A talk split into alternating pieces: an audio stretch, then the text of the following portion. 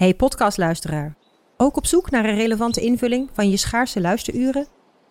Tune dan in op de podcastserie ESG, even samengevat van BNP Paribas. Wij, Marloes en Aldert, spreken daar duurzame voorlopers en wereldverbeteraars. Waarover dan? Nou, bijvoorbeeld of we ooit duurzaam kunnen gaan vliegen. En waarom koeien in de stad nou een goed idee is? Dat en meer elke twee weken in een nieuwe aflevering. Dus abonneer je. ESG, even samengevat. Al 125 jaar kwaliteit voor jou thuis met Miele. Dat vieren we met jou. Ontvang nu tijdelijk een cashback tot 125 euro op veel Miele-apparatuur. Geniet van de kwaliteit van Miele. Voor perfect verzorgd wasgoed en kleding die veel langer mooi blijft. Voor een stralend schone vaat, even perfect als jouw diners. En een stofvrij thuis waarin echt hygiënisch schoon de standaard is. Check miele.nl voor alle feestelijke aanbiedingen.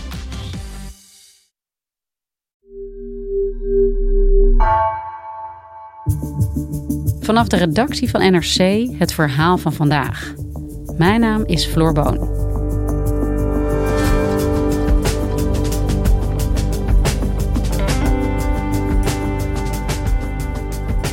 In mei 2020 valt de politie binnen bij een boerderij in het Gelderse dorp Achterdremt.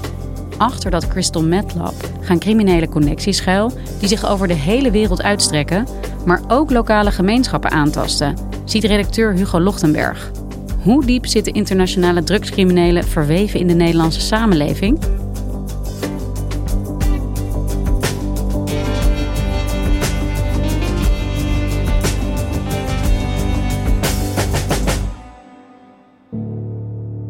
Het is uh, vrijdagmiddag 8 mei 2020 en dan wordt Marianne Besselink, burgemeester van de gemeente Bronkhorst, in de oppervlakte hele grote gemeente met een inwonersaantal, hele kleine gemeente in Gelderland gebeld door haar lokale politiechef. En ik word gebeld met het bericht dat er een inval van de landelijke eenheid is uh, uh, bij, een, een ja, bij een pand in Drent. En die zegt, er is ingevallen. En dat is codetaal voor burgemeesters om te weten, het is een missieboel. Dus dat was heel helder. En ook het feit natuurlijk dat de landelijke eenheid daarbij betrokken was. dat dit niet een reguliere hennepkwekerij betrof. Ja, dan gaat er echt van alles door je heen. En dan weet zij, er is al ingevallen. Dus wat is er gebeurd in mijn gemeente? Ze heeft geen idee. En dan blijkt het te gaan om een oude boerderij echt in het achterland van, uh, van haar gemeente, in Achterdremt, zo heet het gehucht, want dat is het echt. En dan is daar uh, de dienst speciale interventies naar binnen gegaan met uh, getrokken wapens. En die hebben daar een Amerikaan, een Colombiaan en een Mexicaan uit een oude varkensstal getrokken. De politie heeft afgelopen vrijdag een inval gedaan bij een schuur in het Gelderse dorp Achterdremt bij Doesburg. Opvallend, het gaat om een internationale bende die hier in Nederland het zwaar verslavende crystal meth produceerde. Het lab was nog vol in bedrijf. In de schuur werd voor 10 miljoen euro handelswaarde aan crystal meth aangetroffen. Marian Besselink is burgemeester van Bronkhorst. Dat is echt een prachtige gemeente met dorpjes zoals Voorde. Ze staan niet voor niks uh, ieder jaar in de top 10 van de meest aantrekkelijke gemeentes om te wonen en uh, dat soort lijstjes. Maar dan opeens schrikt ze zich echt helemaal rot natuurlijk, want er een Crystal Meth Lab gevonden met internationale connecties. Het is natuurlijk niet niks. Hè? Als, als daar uh, letterlijk met zwaar geschut stond de landelijke eenheid daar en dat werd ook nog een tijd bewaakt. Nou ja, dat is voor een dorp als Dremt echt heel uitzonderlijk. Dus iedereen, dat heeft op iedereen impact. De weergave daarvan zag ik in een heel klein berichtje ergens voorbij komen op Twitter. En dat trok meteen mijn aandacht omdat ik dacht hoe komen een Mexicaan, een Colombiaan, een Amerikaan in een varkenstal in Achterdrem? Die hebben niet de bus gepakt op Schiphol. Dus daar zit een heel verhaal achter. En wat is dat verhaal? En toen ben ik er kort daarna naartoe gegaan om te praten met mensen. En toen dacht ik, het is eigenlijk nog veel groter dan ik dacht. Want dit heeft impact op deze lokale gemeenschap. En landelijk was er ook meteen aandacht voor. Want het was uh, een van de eerste grotere crystal meth labs die werd gevonden. Toen heb ik uh, mijn collega Jan Meijers gebeld, die zeer goed thuis is in de georganiseerde misdaad en iedereen die daarbij betrokken is. Van Jan, volgens mij moeten we hier samen induiken. Ja, het klinkt ook best wel bizar als er ineens in jouw eigen gemeente, klein gehucht, een crystal meth lab wordt opgerold zonder dat jij daar weet van hebt. Hoe vaak komt dit voor in Nederland? In 2020 het jaar dat in Achterdremt het Crystal Meth Lab werd ontmanteld, zijn er nog 31 labs opgerold In heel Nederland. in heel Nederland. En dat is op dat moment echt enorm al. En tegelijkertijd weet je met deze problematiek niet hoe groot het daadwerkelijk is. Misschien was het nog wel veel groter. Dit zijn alleen de labs die zijn gepakt. En het interessante was dat eh veelal gebeurde dat het in de jaren daarvoor dat het in Brabant mis was. Daar hebben we natuurlijk veel over bericht ook. En nu was het juist ook in de noordelijke provincies. Dus of oostelijke provincies, Gelderland, Drenthe enzovoort. En dat vond ik interessant omdat ook mensen zich afvroegen. Hey, is dit het waterbed? We drukken nu heel hard op Brabant. En komen ze daarom hierboven? Wat dat zou kunnen, maar wat ook speelt is dat eh, ook daar heel veel leegstand is in de agrarische sector. Dun bevolkt. En eh, ja, het zijn ideale omstandigheden om zo'n lab te vestigen. Want je hebt ook nog hele goede uitvalswegen naar bijvoorbeeld Duitsland en daarmee naar Oost-Europa. Een belangrijke afzetmarkt voor deze drugs. Ja, want even om even bij deze drugs te blijven. Dit gaat over crystal meth. Wat is dit precies voor een drugs? Het is een verwoestend spul wat relatief goedkoop is om te maken, waardoor de marges daarop heel groot zijn in vergelijking met bijvoorbeeld cocaïne. En het is verwoestend in de zin dat het woest verslavend is, maar ook zeer schadelijk voor, eh, voor het lichaam. Dus je, als je de foto's ziet, echt met mensen met uitgevallen tanden enzovoort. Dus het is echt heel erg gruwelijk is het. En waar in Nederland zijn die labs tot nu toe Ja, dus in, in Drenthe, maar ook één in Hoorn, één in eh, Friesland, één in, ja, enzovoort. Dus uiteindelijk zie je gewoon als een landkaart overal stipjes opduiken. Is dat ook wat achter Dremt is? Is dat een typische plek hiervoor? Ja, achter Drempt, die locatie is eigenlijk, als je het nu achteraf ziet met die ogen, is het echt de perfecte locatie. Goed, Hugo, daar zijn we weer. Een achterdremt. Jan en ik zijn een aantal keer naar Achterdremt geweest, uiteraard om met mensen te praten, maar ook om eh, de locatie te bekijken. Kijk, hier moet je oprijden. Dan moet je door die, door die binnenplaats waar wij net stonden. En dan... Als je dat in Achterdremt ziet, in een prachtig, ja, het is bijna schilderachtig landschap met hooggelegen akkers, zie je een oude, oude boerderij liggen. Die wordt onttrokken aan het zicht door echt metershoge heggen. Helemaal overgroeid. En daar moet je eerst het erf op, dan om een grote schuur heen en dan een stukje doorlopen. En daar ligt deze bewuste stal. Dus het is echt niet te zien. Hooguit met een drone had je moeten inzetten om het waar te kunnen nemen. En die schuur stond al hier dan? Nee, ja. Achter dat, zie je dat uh, schoorsteentje? Ja? Daarnaast. Dus hij stond achter het ding, die Ah, net iets ophoog. Daarachter stond. En oude op het moment dat dat drugslab werd gevonden, eh, 2020 hebben we het nu over, wie wonen daar dan? Wie zijn dan de eigenaren ja, van dat terrein en van die varkensstal? Ja, dat hebben we natuurlijk ook meteen eh, uitgezocht. En dat is een eh, gezin met vier kinderen, vier zoons en een, en een echtpaar. En die hebben we uiteindelijk uiteraard ook eh, opgezocht. En dat is eh, nog niet eh, heel makkelijk om dat ongezien te doen. Als je dat al zou willen, omdat daar, eh, ze hebben een grote Rottweiler die meteen aanslaat nog voordat je één voet op het erf zet. Overal honden, maar nergens mensen. En toen hebben we daar aangebeld.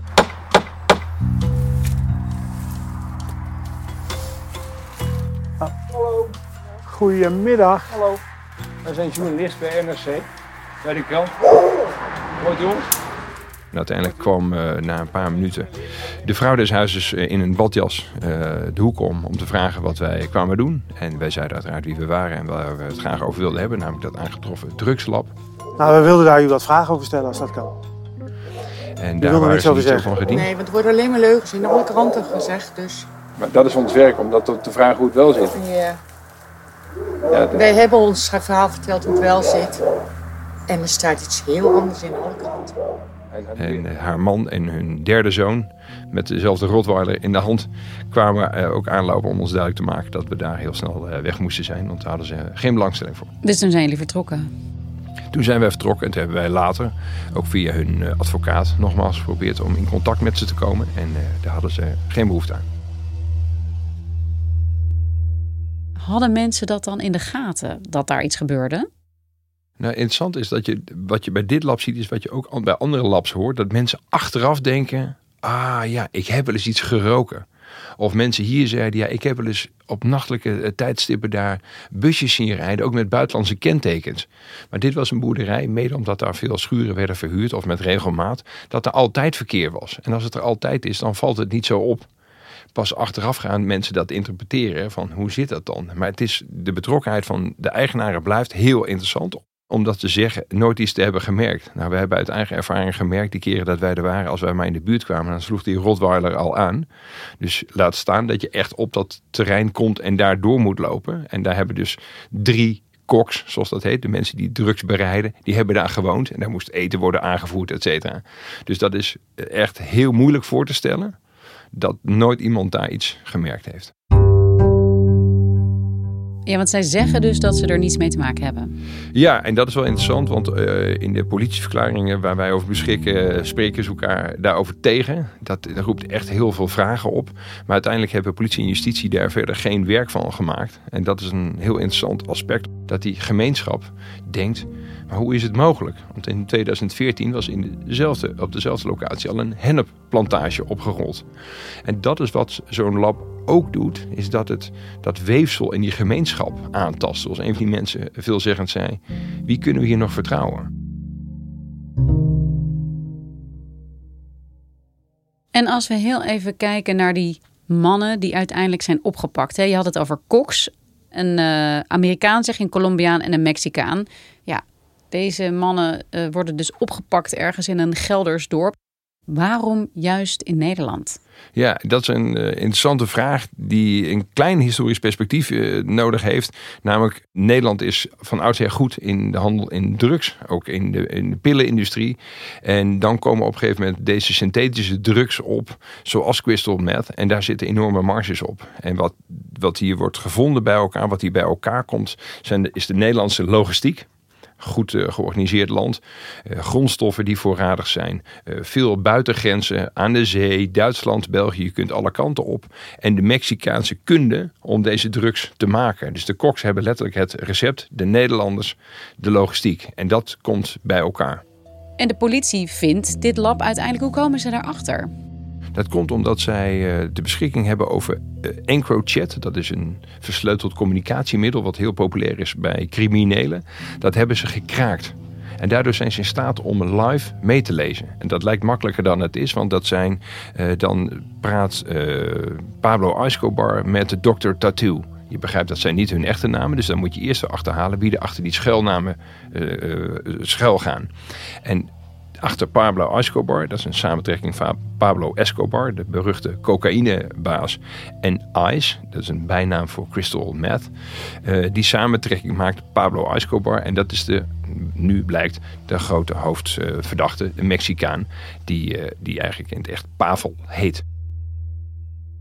En die komen ze op het spoor en die linken ze aan dat lab in Achterdremt. En dat het daar met zekerheid eh, nu plaatsvindt. Dat is de reden dat ze er met spoed naartoe gaan en met getrokken wapens daar het erf op komen om deze drie koks aan te houden. Oké, de politie gaat dus meteen erop af. Is dat om een reden? Is crystal meth zo gevaarlijk dat ze meteen erop af willen gaan? Bij de productie van meth worden, komen zoveel chemicaliën vrij en explosieve stoffen. dat daar direct gevaar is voor de volksgezondheid, maar ook ontploffingsgevaar. En dat is de reden dat ze daar acuut naartoe gaan. En dat bleek hier ook het geval, want dit is dus een oude varkenstal. En de gierkelder onder die stal, die zat dus chockvol met afvalstoffen. Onder andere kwikchloride. Nou, dat is echt voor iedereen die iets van, van scheikunde weet. Een van de allersmerigste stoffen die je kunt hebben. Want heel moeilijk af te breken en heel gevaarlijk. En dan komen dus de specialisten daar meteen bij. En die, dat is relatief nieuw, want zoveel ervaring heeft Nederland, dus niet de, deze gemeente, maar Nederland überhaupt niet met crystal meth. En dan uh, hebben ze meteen door dat het meth is en uh, dat daar dus de boel moet worden afgezet. En dan komt de dag erna ook uh, een organisatie die daarin is gespecialiseerd om monsters te nemen. En dat lukt niet omdat de uitslagen bijvoorbeeld van die klikchloride, die zijn zo hoog op die meter dat ze niet precies kunnen vaststellen waar de zogenaamde hotspots zitten. Waar het het meeste is, omdat het overal uitslaat. Dus dat is echt één groot gifhol. En dat zal later ook blijken, want het gaat de gemeente uiteindelijk uh, ruim 6,5 ton kosten om dat allemaal uh, af te voeren. En dat is werkelijk ongelooflijk veel geld voor zo'n kleine gemeente. Want daarmee gaat dat geld dus niet naar een bibliotheek, naar jeugdzorg en andere verplichtingen die die gemeente ook heeft. Ja, en deze labs die hebben dus ja, impact op de directe omgeving. Het is ontzettend vervuilend. Het kost een gemeente heel veel geld om het op te ruimen. Uh, maar ze nemen toe, zeg jij. Hè? Er worden er meer van gevonden. Is er nou iets te zeggen over hoe groot die criminele netwerken zijn die hier omheen zitten, hè? Die, die, die uiteindelijk verantwoordelijk zijn voor het maken van deze crystal meth in Nederland? Ja, en dat is een hele goede vraag. En tegelijkertijd een hele moeilijke vraag. Omdat in dit geval, uh, Pablo heeft een, uh, gemiddeld een lap of 4, 5 onder de knop. Uh, waarvan er een achterdremt 1 was. En als er eentje dicht gaat, dan wordt er ergens anders weer één geopend. En hij deed deze in achterdremt samen met het Nederlandse hoofdverdachte Denny K. Die op zijn beurt weer bij een aantal andere labs betrokken was. Zonder Pablo. En Pablo had weer een aantal andere labs waar Denny K niet bij betrokken was. Dus je ziet een, een netwerk dat voortdurend deels samenwerkt of op punten samenwerkt of de ketels aanlevert of de grondstoffen aanlevert. Maar je krijgt er niet de vinger precies achter dat als je er twee hebt, dat je ze dan allemaal hebt. En dat is precies ook wat ze doen, want dat is ook heel interessant. Ze schermen met hun eigen kennis. Dus die Mexicanen willen dat recept en die bereidingswijze niet delen, want dat is hun unieke expertise. Zoals de Nederlanders de logistiek, de aanvoer van grondstoffen, het leveren van ketels ook niet over willen geven aan die Mexicanen. Want dan kunnen die Mexicanen dat ook wel zonder de Nederlanders. En de Nederlanders willen daar natuurlijk ook aan verdienen. En zo scherpt iedereen ook binnen zo'n organisatie zijn eigen handeltje af.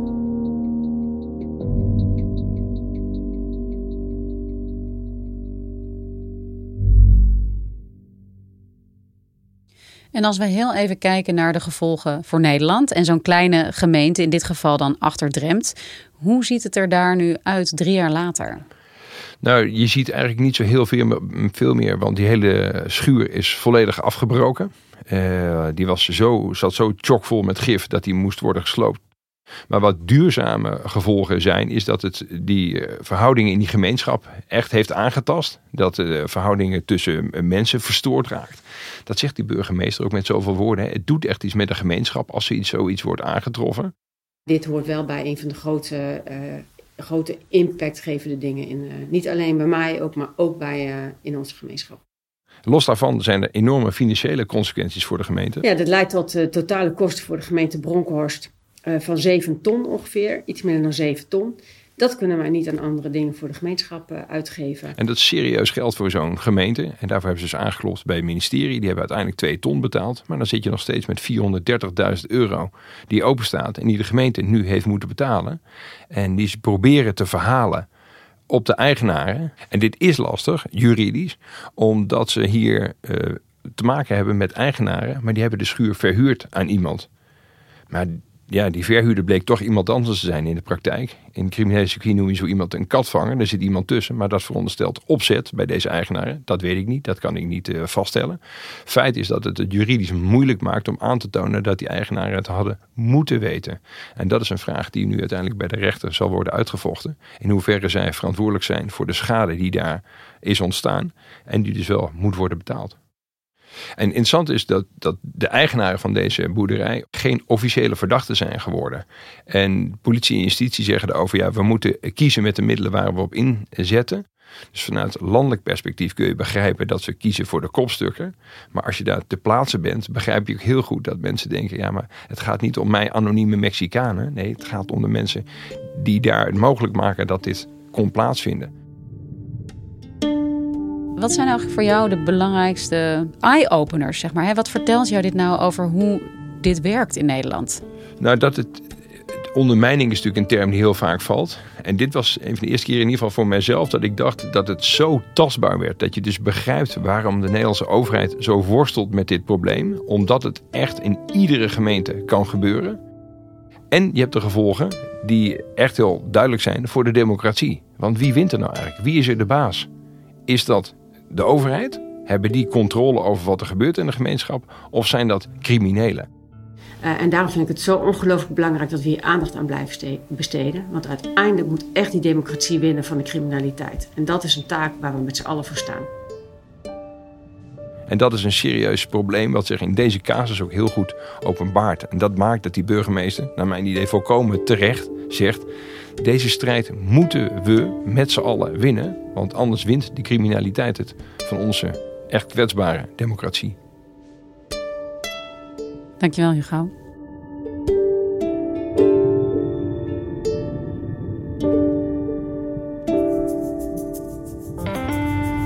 Je luisterde naar vandaag, een podcast van NRC. Eén verhaal, elke dag. Deze aflevering werd gemaakt door Tessa Kolen Iris Verhulsdonk en Jeppe van Kesteren. Coördinatie Henk Ruigrok van der Werven. Dit was vandaag. Morgen weer.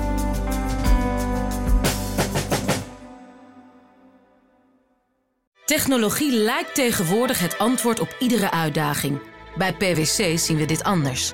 Als we de potentie van technologie willen benutten, kunnen we niet zonder een menselijk perspectief. Human-led, tech-powered noemen we dat. Ga naar pwc.nl.